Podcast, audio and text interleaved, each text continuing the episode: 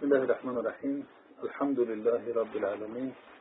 والصلاة والسلام على رسول الله أشرف الأنبياء والمرسلين. أما بعد.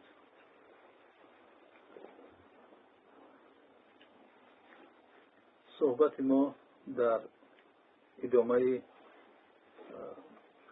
موضوع های سیرت پیامبر صلی الله علیه وسلم است. و مخصوصا ما تا جایی رسیده بودیم که پیامبر صلی الله علیه وسلم چگونه نسل اول را تربیه می‌کرد. و بند اول این تربیه پیامبر صلی الله علیه وسلم را از جانب عقیدوی آنها دیده بودیم که چگونه خداوند آن تصورات و افکار و اندیشه و عقیده ای که مردم مکه داشتند اصحاب کرام داشتند نسبت به خدا آنها را چگونه تصحیح کرد و تا جای آنها را تربیه کرد و به آنها خداشناسی را آموزاند که آنها با خداوند شناس شدند از جهت یگانه بودن الله سبحانه و تعالی در ربوبیتش و در الوهیتش و در صفتها و نامهای زیبایش. تا آنجای آنها را تربیه کرد که دیگر دانستند که در این حیات هدف عالی و غایت نهایی آنها به دست آوردن رضاگی آن ذات بزرگ است. و برای به دست آوردن رضای او همه دارایی خود و همه هستی خود را میبخشیدند تا الله سبحانه و تعالی از آنها راضی بگردد.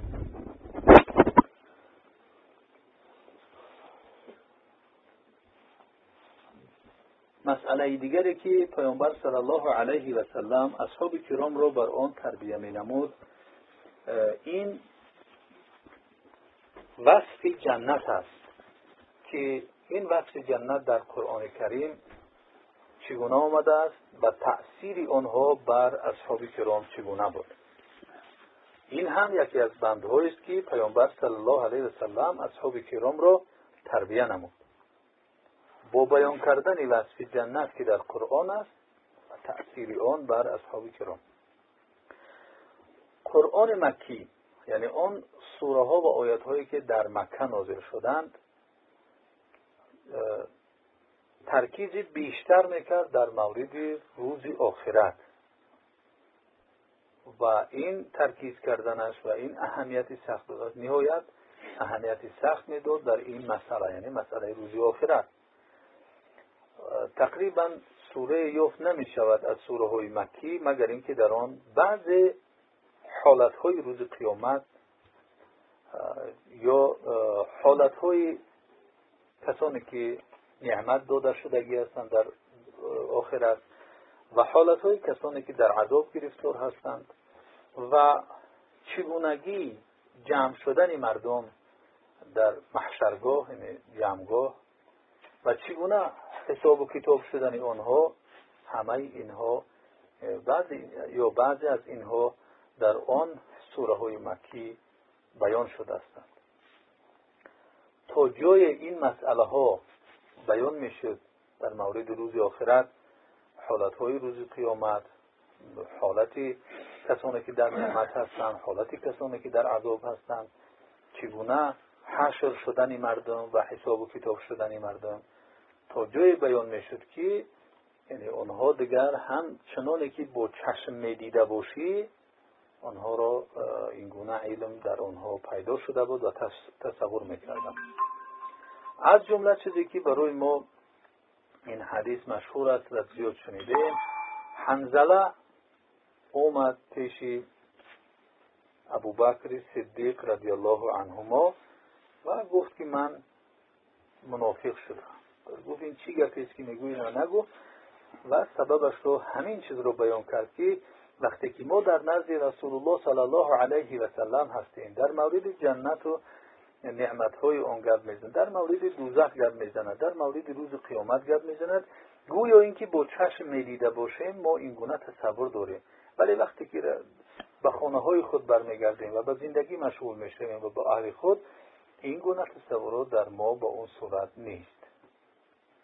یعنی که پیامبر صلی الله علیه و بعد آنها رو توضیح میتید که اگر شما در اون حالت همیشه باقی مونید ملائک شما را در فراش خوابتون در جگه خوابتون و در راه ها و شما سلام می‌دهند سلام می‌کنند.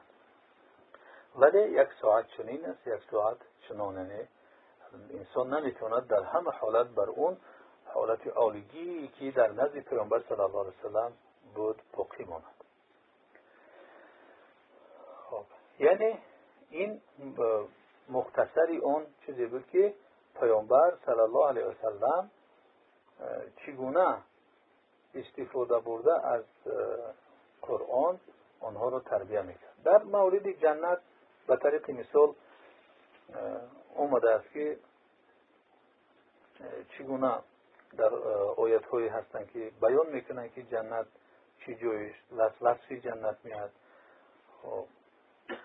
و در این وصف هایی که در قرآن آمده است در نفس های اصحاب کرام تأثیری نهایت زیاد کرد. نعمت های جنت که خداوند برای بندگان متقی بندگان صالحش آماده کرده است همه اینها از کرم و از سخاوت و فضل الله سبحانه و تعالی جوش می‌زند. و آن چیزهایی را که الله سبحانه و تعالی برای ما بسط کرده است از جنتش اینها همه اون نعمتهاش نیستند بلکه بسیاری از نعمتهایش را حالا برای ما نعمتهای بزرگش را که عقلها آنها را درک نمی‌کنند آنها را حالا ذکر کردگی نیست و برای ما نرسیده است. و به کنه نهایتی اون نعمت های الله سبحانه و تعالی افکار و اندیشه های ما نمی‌تونن برسند اعوذ بالله من الشیطان الرجیم. تتجافى جنوبهم عن المضاجع. يدعون ربهم خوفا وطمعا. ومما رزقناهم ينفقون. فلا تعلم نفس ما أخفي لهم من قرة أعين جزاء بما كانوا يعملون. يعني در مورد کسانی که در نعمت هستند و عملهایی که دیده هست به خداوند خداوند اونها رو در سوره سجده و یادهای 18 و 16 و 17 ذکر میکند که یعنی پهلوهای اونها از جای خوبشون دور می شود یعنی از جایهای خوبشون اونها می خیزند وقتی که مردم در خواب هستند در شب اینها از جای خوب خود می خیزند یدعون ربهم خوفا و طمعا. پروردگارشون رو از روی ترس و از روی خوف و از روی طمع و امید بستن و طمع کردن بر خداوند و رحمتش می‌خونند دعوت می‌کنند دعا می‌کنند. و من رزقناهم ينفقون و از آن چیزی که برای آنها رودی دادیم آنها نفقه می‌کنند.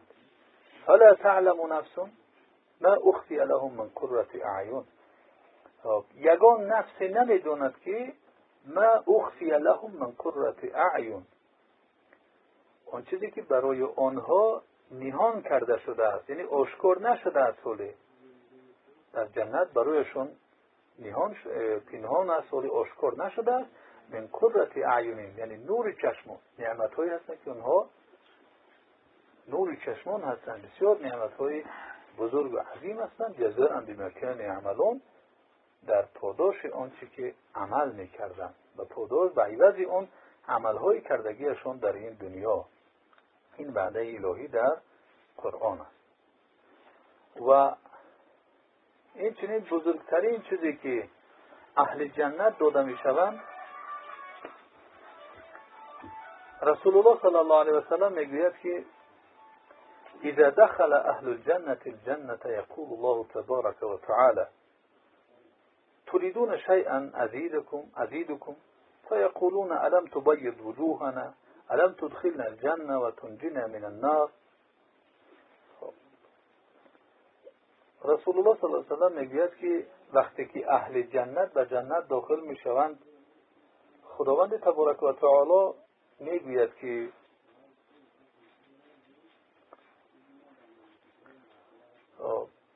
آیا می‌خواهید که یگان چیزی برای شما علاوه کنم؟ می‌گویند که آیا رویهای ما رو سفید نکردی؟ آیا ما رو به جنت داخل نکردی؟ آیا ما رو از آتش دوزخ نجات ندادی؟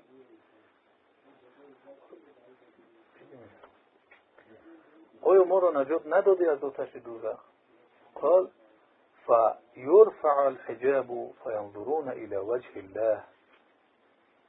حجاب از اونها برداشته می شود آن حجابی که بین بندگان و بین الله سبحانه و تعالی بود برداشته می شود فینظرون إلى وجه الله.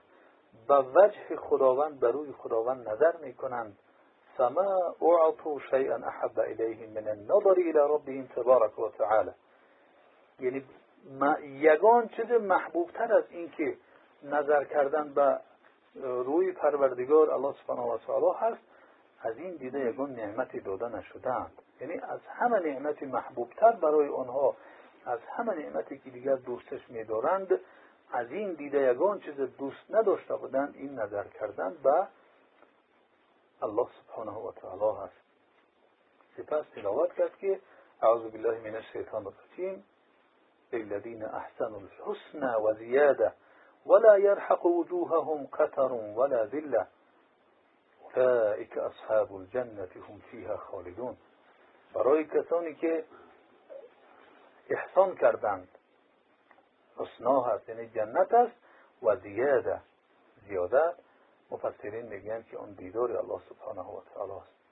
برای کسانی که عملی نیکو کردن کارش رو کردن خدا را اطاعت کردن با قرآن و گفته های رسول الله صلی الله علیه وسلم زندگی خود را سپری کردند برای آنها جنت و زیاده یعنی دیدار الله سبحانه و تعالی.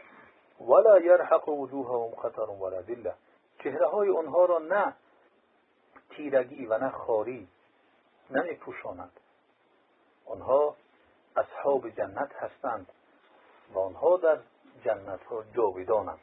سوره یونس آیه 26 این گونه پیامبر صلی الله علیه وسلم اصحاب کرام را تربیه می کرد با عقیده داشتن و جنت. و آنها در مورد جنت بسیار تصورهای زیبایی داشتند. اعتقادی بسیار جازم قوی داشتند نسبت به جنت. و این تصور و این اعتقاد جزمی برای برپا خیستن یا برپا شدن یک امت نهایت ضرور است. وقتی که این صورت جنت ها اون وصف جنت در نفس هر یک فرد از امتی محمد صلی الله علیه وسلم جای می‌گیرد اینها دیگر برای به دست آوردن رضایگی الله سبحانه و تعالی تلاش می‌کنند. همه چیز غالی و دیگر هر چیز گرانبها و هر چیز نفیس خود را دیگر آنها تقدیم می‌کنند تا اینکه از سستی و از بد دیدن مرگ خلاص یابند رها شوند و در وجود آنها یک قوه های پیدا می شود که به اون عزم و اراده و به اون اصرارشون آنها را چکار می‌کند؟ یاری می‌دهد و در برابر هر چیزی که آنها را به این جنت ها میرساند به ریزوگی الله سبحانه و تعالی میرساند همیشه دیگر صبر می‌کنند. برای چی؟ برای عزت بخشیدن بر دین خدا و در یافتن جنت در یافتن رضاگی الله سبحانه و تعالی.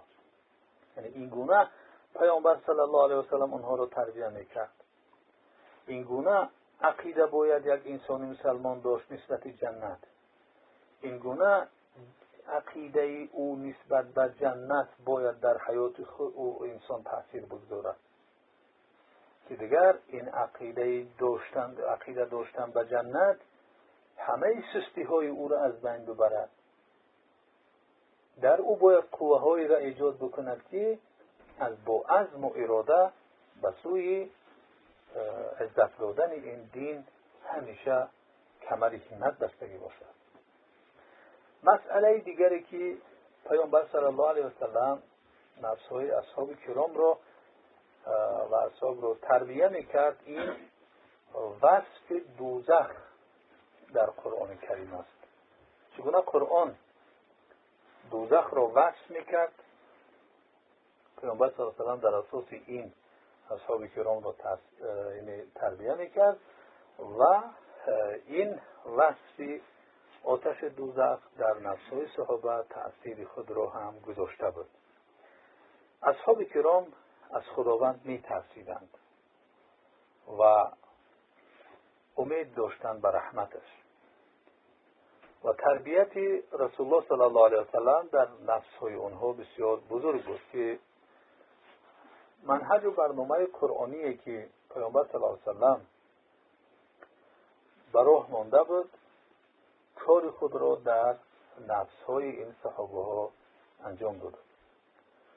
زیرا اینکه قرآن دهشت های روز قیامت را نشانه های روز قیامت را فصل نموده است که چگونه زمین را قبض می کند چگونه آن را تکان می دهد چگونه آسمان جمع کرده می شود مثل یک کتاب جمع شدن چگونه این کوه از ریشه کنده می شوند چگونه این بحرها به ترکیش می آیند چگونه این بحرها آتش می گیرند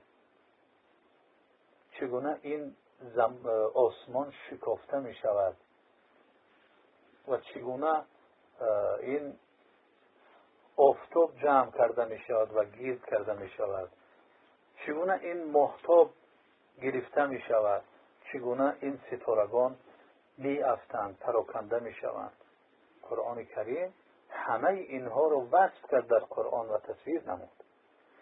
و این چونین قرآن کریم احوال کافران رو وصف نمود. خاری آنها را ذلت آنها را حسرت آنها را نامیدی آنها را یعنی عملهاشون از بین رفتن را همه اینها را قرآن کریم تصویر نموده است. قرآن کریم این چنین از جمع کردن کافران و سفربر کردن آنها به آتش دوزخ سخن گفته است. در مورد گذشتن مؤمنان از بالای اون سرات سراتی که یعنی پولی که راهی که بر بالای دوزخ مانده شده است مؤمنان چه خیلی از اون میگذرند گذشتن آن را قرآن وصف کرده است. و چگونه مؤمنان از منافقان جدا کرده می شوند خلاص می یابند رها می یابند این رو هم قرآن بیان کرد. این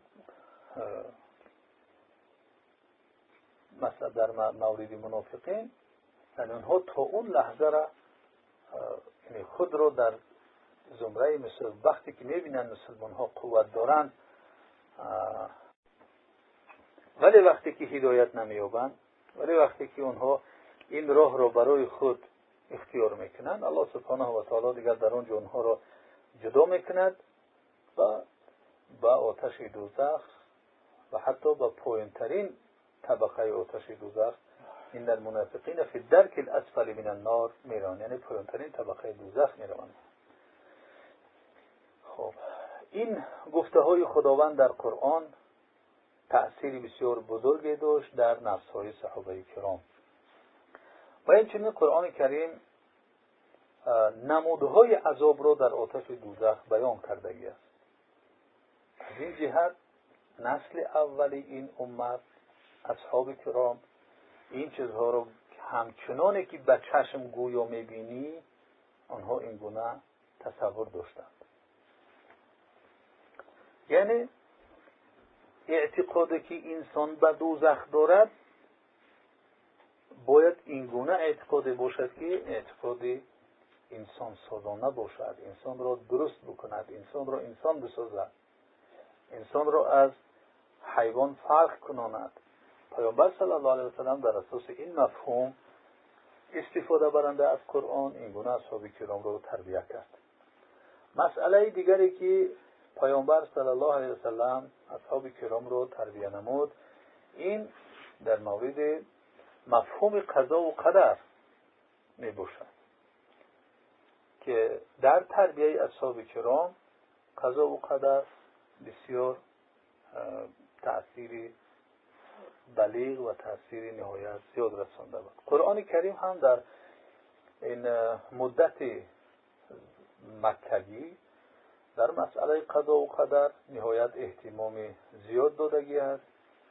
در سوره قمر می‌بینیم آیه 49 خدا میفرماد از بالله من الشیطان الرجیم. این کل شیء خلقناه بقدر. همانا هر چیزی که هست ما اون رو به یک مقدار یا به تقدیر ما آفریدگی هستیم. پیامبر صلی الله علیه وسلم در نصهای اصحاب کرام مفهوم قضا و قدر رو به شکلی درست می نشوند و فهمی درست داشتن اعتقاد مستحکم داشتن در قلب های صحابه کرام نسبت به حقیقت قضا و قدر این بسیار میوه های مفید و میوه های با منفعت داشت که برای آنها هم سببی به دست آوردن خیرات دنیا و هم سبب به دست آوردن خیرات آخرت گردید. از جمله آن میوه ها این است. وقتی که آنها مفهوم درست قضا و قدر را فهمیدند و در آنها تاثیر خود را گذاشت و این میوه ها را به بار داد که از جمله آنها چی است؟ یکمش. وقتی که قضا و قدر را درست فهمیدند و در آنها تاثیر خود را گذاشت خب عبادت الله سبحانه و تعالی را آنها انجام دادند.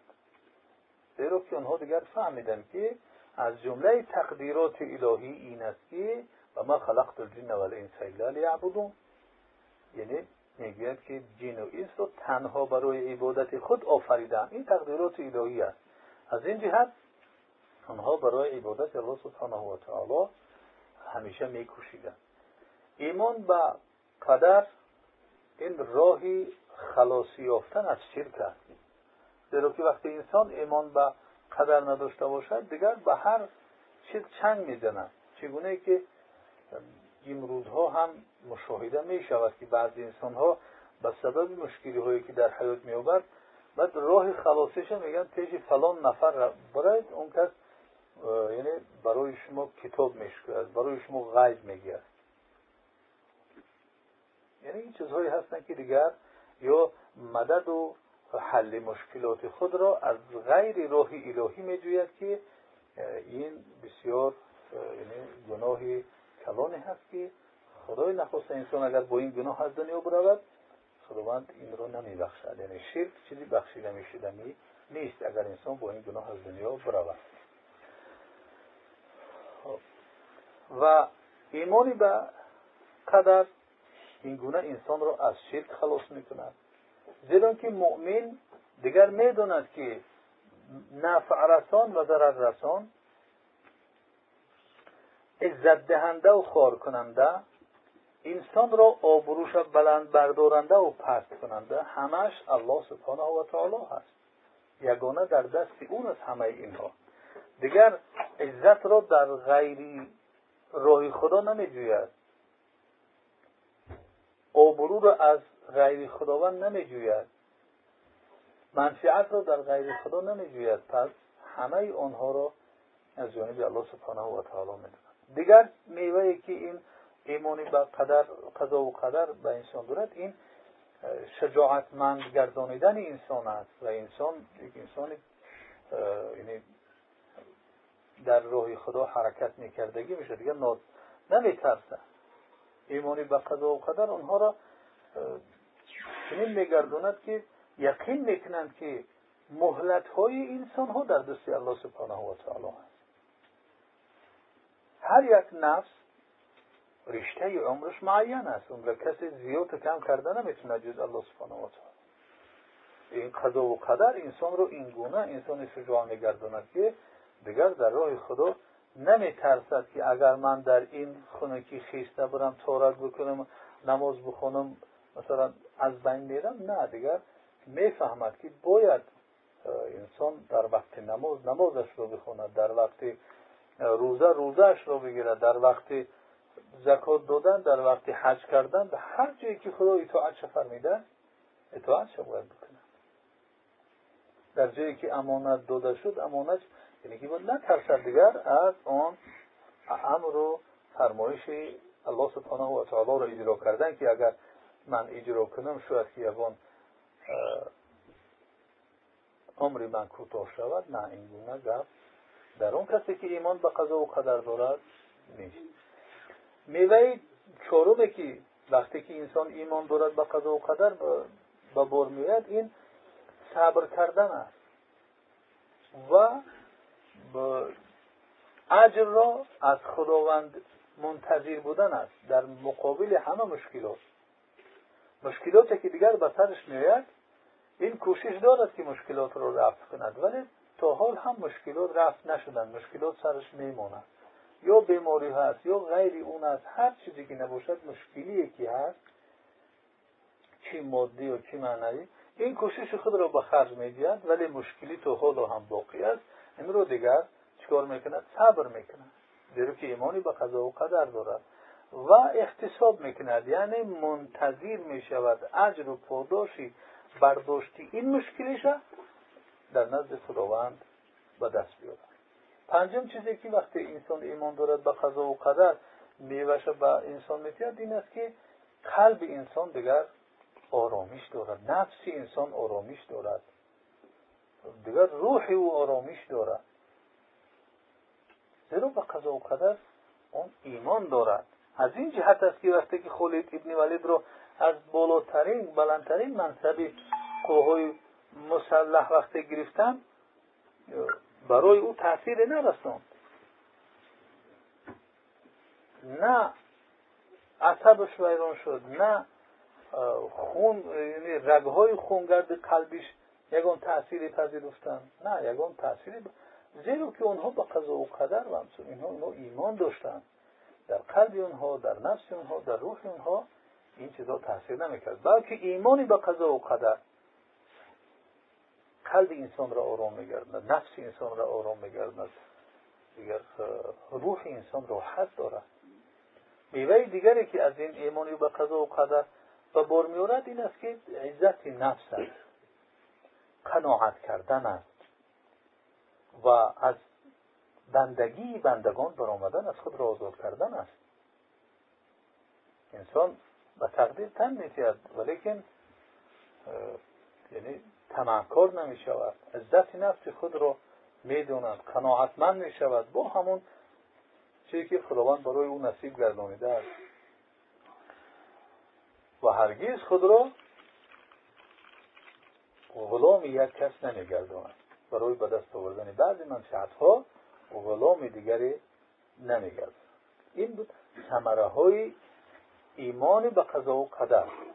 این ثمره ها زیاد هستند ما بعضی از اونها رو فقط اینجا ذکر کردیم. خب. تربیه رسول الله صلی الله علیه و سلم اصحاب کرام رو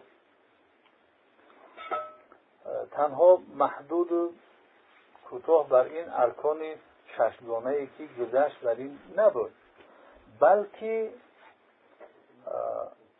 بسیار از مفهوم ها و تصورات هایی که اعتقاد هایی که آنها داشتن نسبت به انسان نسبت به حیات نسبت به هستی پیامبر صلی الله غیر این رکن های ششگانه ایمان باز اعتقاد و تصورات و مفهوم اونها رو نسبت به انسان نسبت به حیات نسبت به این دنیا و هستی درست کرد. و این چنین عقیده و فهمیش آنها را نسبت به علاقه میان این انسان و حیات و هستی تا اینکه انسان مسلمان در اساس نور از جانب خداوند قدم بزند و هدفی وجود داشتنش در این حیات را درک بکند که برای چی در این حیات وجود دارد.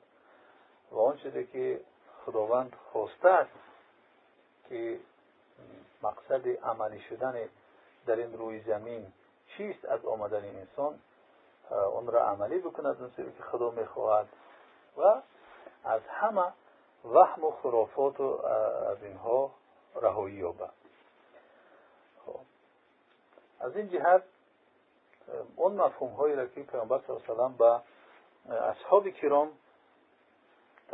تعلیم داد این بود که انسان حقیقت انسانی را بشناسد. قرآن کریم انسان را شناسان که انسان چیست به خودش آشناش کرد شناساندش بعد اون که به پروردگار شناساندش بعد اون که به روز آخرت اون را آشنا کرد. خب. و به اون سوال هایی که فطرت هر یک انسان این سوال را میتید که از کجا آمده به کجا می روم این سوال ها را قرآن برای بشریت جواب گردانید. خب که این سوال ها را هر یک نفسی انسان هر یک نفسی نفسی که درست و سالم باشد این سوال ها را مجبور می‌کند که جوابش پیدا بکند. قرآن کریم هم برای اصحاب کرام حقیقتی پیدایش انسان را بیان کرد. چگونه که بعضی ها دعوا کردند که حقیقت انسان از یا که اصل پیدایش انسان از میمون است. که این را الله سبحانه و تعالی بیان کرد که حقیقت نشأت انسان است. انسان از انسان است. میمون از میمون است. گو از گو است. خب چرا از گو یگان مخلوق دیگر نبرآمد چرا از خر یک مخلوق نبرآمد فقط از میمون آدم برآمد اینها یک افسانه های شیطانی بودند که دیگر معنی خود را گم کردند. خب و این چنین قرآن بیان کرد که اصل انسان به چی برمیگردد خب و در این حیات از آنها چی طلب شده است که انجام بدهند و بازگشت انسان بعد از مرگ به کجاست؟ همه این سؤال ها را قرآن بیان کرده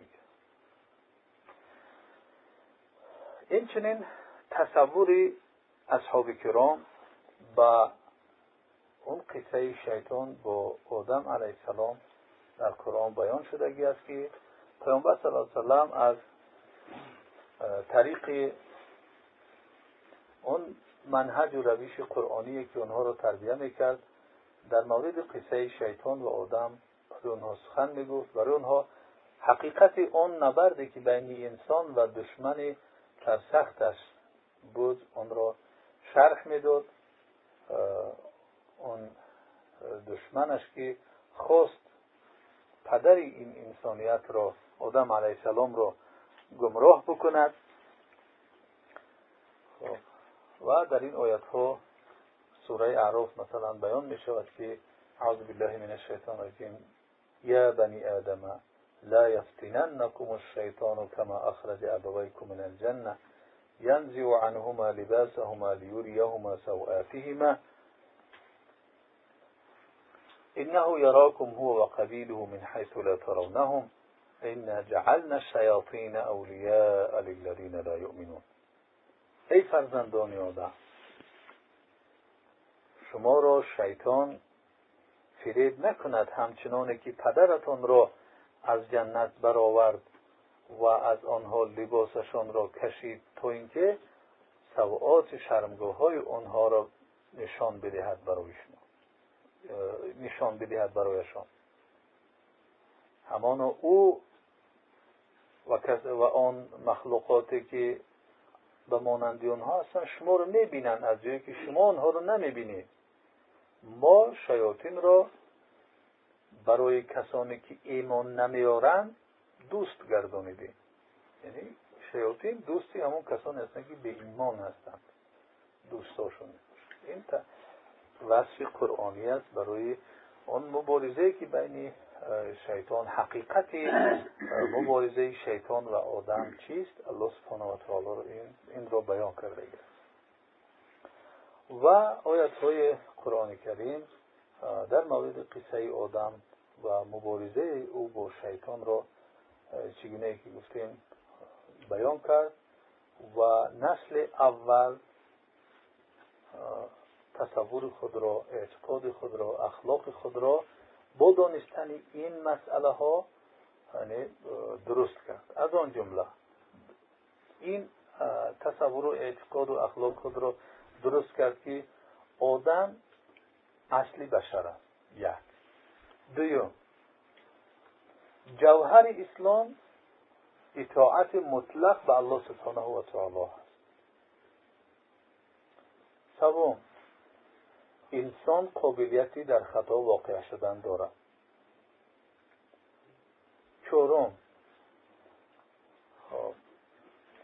خطا کردن آدم انسان مسلمان را چنین تعلیم می‌دهد که بر پروردگارش توکل کند. توکل را بر انسان تربیه می‌کند تعلیم می‌دهد. پنجم ضرورت توبه و استغفار نمودن. ششم. از حسد نمودن و کبر کردن دوری گرفتن.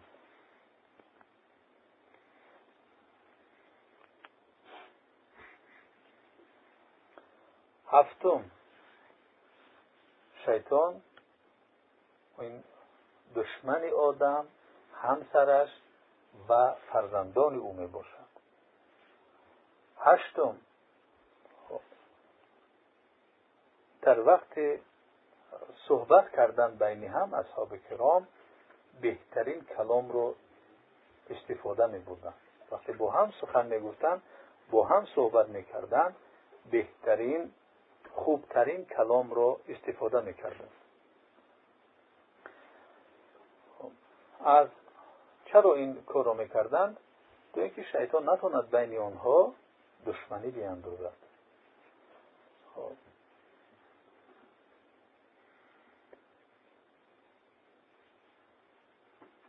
این یک نمود صورت بسیار شکل موجزه بود.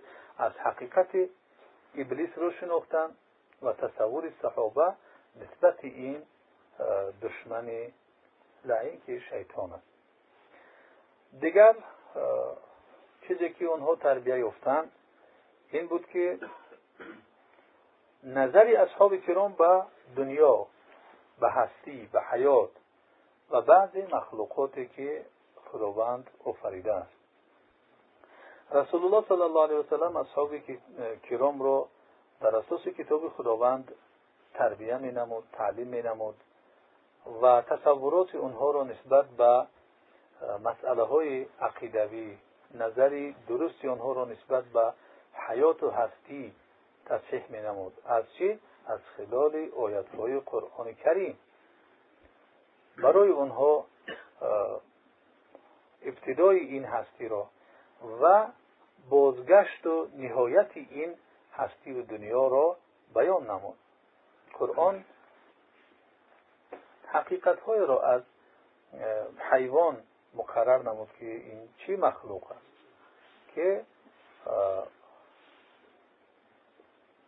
اهمیت اون از دیگر حقایق کمتر نیست. در جانب مثلا هستی در جانب حیات. این گونه قرآن کریم افکار و تصورات نسل اول رو از این هستی از این دنیا و تنظیم در آورد که چگونه باید تصورات داشته باشند و آن چیزی که در این دنیا هست از مخلوقات و از عجایبات و که یعنی حقیقت این حیات حیات است که فانی است. از بین رونده است. این چیزها را برای اونها در عقیده هاشون مستحکم نمود. پیامبر صلی الله علیه وسلم این چنین حقیقتی نهایت بازگشت این دنیا را برای آنها در قلبهایشان جای کرد و راهی نجات در کجاست؟ این را در نفس های صحابه ها جایگیر کنند که راهی نجات را آنها بدانند که با کدام سمت باید حرکت کرد به سوی نجات. و این گونه آنها را تربیه کرد که آنها یقین حاصل کردند که کسی که این عاقبتش را می‌داند راه نجات را می‌داند و راه پیروزی را می‌داند. البته کوشش می‌کند برای رسیدن به این و تمام قوا و تمام وسیله هایی که دارد برای رفتن به این راه برای زفر یافتن به اون نجات کوشش می‌کنن و پیامبر صلی الله علیه وسلم در بیان نمودن این جانب چنین یعنی قایده ای را در قلب های آنها جای کرد که تصوراتشان این بود که این دنیا حیات این دنیا چقدری که ادامه بکند اصلا این از بین رونده است. این عقیده باید در دل آنها باشد این چیز را در قلب آنها شنود. چه قدری که ادامه بکند حیات از بین می رود دیگر چیز؟ متاع این دنیا چقدر بزرگی هم شد کم است و ناچیز است. در برابر اون نعمت هایی که الله سبحانه و تعالی دارد و آخرین چیزی که همچون تاکید برای زمانی ما برای کسانی که در مسئولیت این پرورش و تربیه هستند این است که بسیاری از کسانی که در میدان پرورش و تربیه هستند. در نفس های اونها حقیقت اینکه دنیا له و لعب است یک چیز بودیچه از فریبنده است این چیز از نفس های اونها رفته است محو گشته است. زیرا که اونها دیگر در این حیات دنیا فرو رفتند در متاع دنیا فرو رفتند محبت دنیا در قلب اونها جای گرفت. آنها از پشت این دنیا دیگر چگونه که تصویر قرآنی هست که یلحسون یعنی چگونه که سگ برای رسیدن به هدف زبانش برآمدگی میدود این گونه برای به دست آوردن دنیا. و وقتی که باز دنیا میاد به دست باز طلب کردن زیادتر اینها این گونه می‌دوند سیر نمی‌شوند قناعت نمی‌کنند. خب چرا؟ زیرا که پیوندی آنها به دنیا نهایت سیچ شده است. و این بسیار مصیبت بزرگ است نسبت به این دعوت راه خدا و نسبت به تربیه این امت محمدی. اما بهره برداری کردن از این دنیا در محدوده اون چیزی که شریعت اون را کشیدگی هست که از راه حلال از راه معروف و معقول و منطقیش و این دنیا را همچون یک مرکب گردانیدن همچون یک چیزی که به اون سوار می شود انسان برای رسیدن به آخرت. استفاده کردن از این دنیا اصلا برای رسیدن به آخرت. این دنیایی که استفاده می شود برای رسیدن به آخرت این محمود است این خوب است این جای مذمت ندارد. این گونه پیامبر صلی الله علیه وسلم اصحاب کرام را تربیه می‌کرد. در اساس چگونه گفتیم شناخت الله سبحانه و تعالی که چی ذات است. در یگانه بودنش در ربوبیتش در یگانه بودنش در الوهیتش. یگانه بودن در صفتها و اسمای نامهای زیبایش. تربیه آنها به واسطه معرفت جنت تربیه آنها به واسطه معرفت مثلا دوزخ. خب. تربیه آنها در اساس شناخت خود حقیقت انسان و شناخت این دنیا و هستی. این گونه پیامبر صلی الله علیه و آنها را تربیه کرد و همه اینها در قرآن بیان شدند نه با کتاب دیگر تنها و تنها از طریق قرآن آنها را تربیه کرد که آنها بهترین نسل گشتند و این چیزی که بیان شد راه و رویش از حیات پیامبر صلی الله علیه و سلم است در تربیه نسل اول. این بیان اصل علم ها نیست فقط بیان اون است که پیامبر صلی الله علیه و این گونه آنها را تربیه می‌کرد. و هر یک این چیزهایی که گفته می شود علم های علاهیده هستند که انسان ضرور است از طریق آنها تربیه شود و خود را برساند به آن کمال انسانی که مطلوب است خود را برساند. والله اعلی و اعلم بثواب و جزاکم الله خیرا. اگر یگان سؤال در این موضوع باشد مرحمت سوال بکنید. و برای مسئله که اون حالت های خیری که میگذرانید البته این نقطه هایی که ذکر شدن که چی میوه ها و چی ثمره ها دارد ایمان داشتن اینها سوال بشوند بهتر است و خوبتر است. موفق و معید باشید و جزاکم الله خیرا.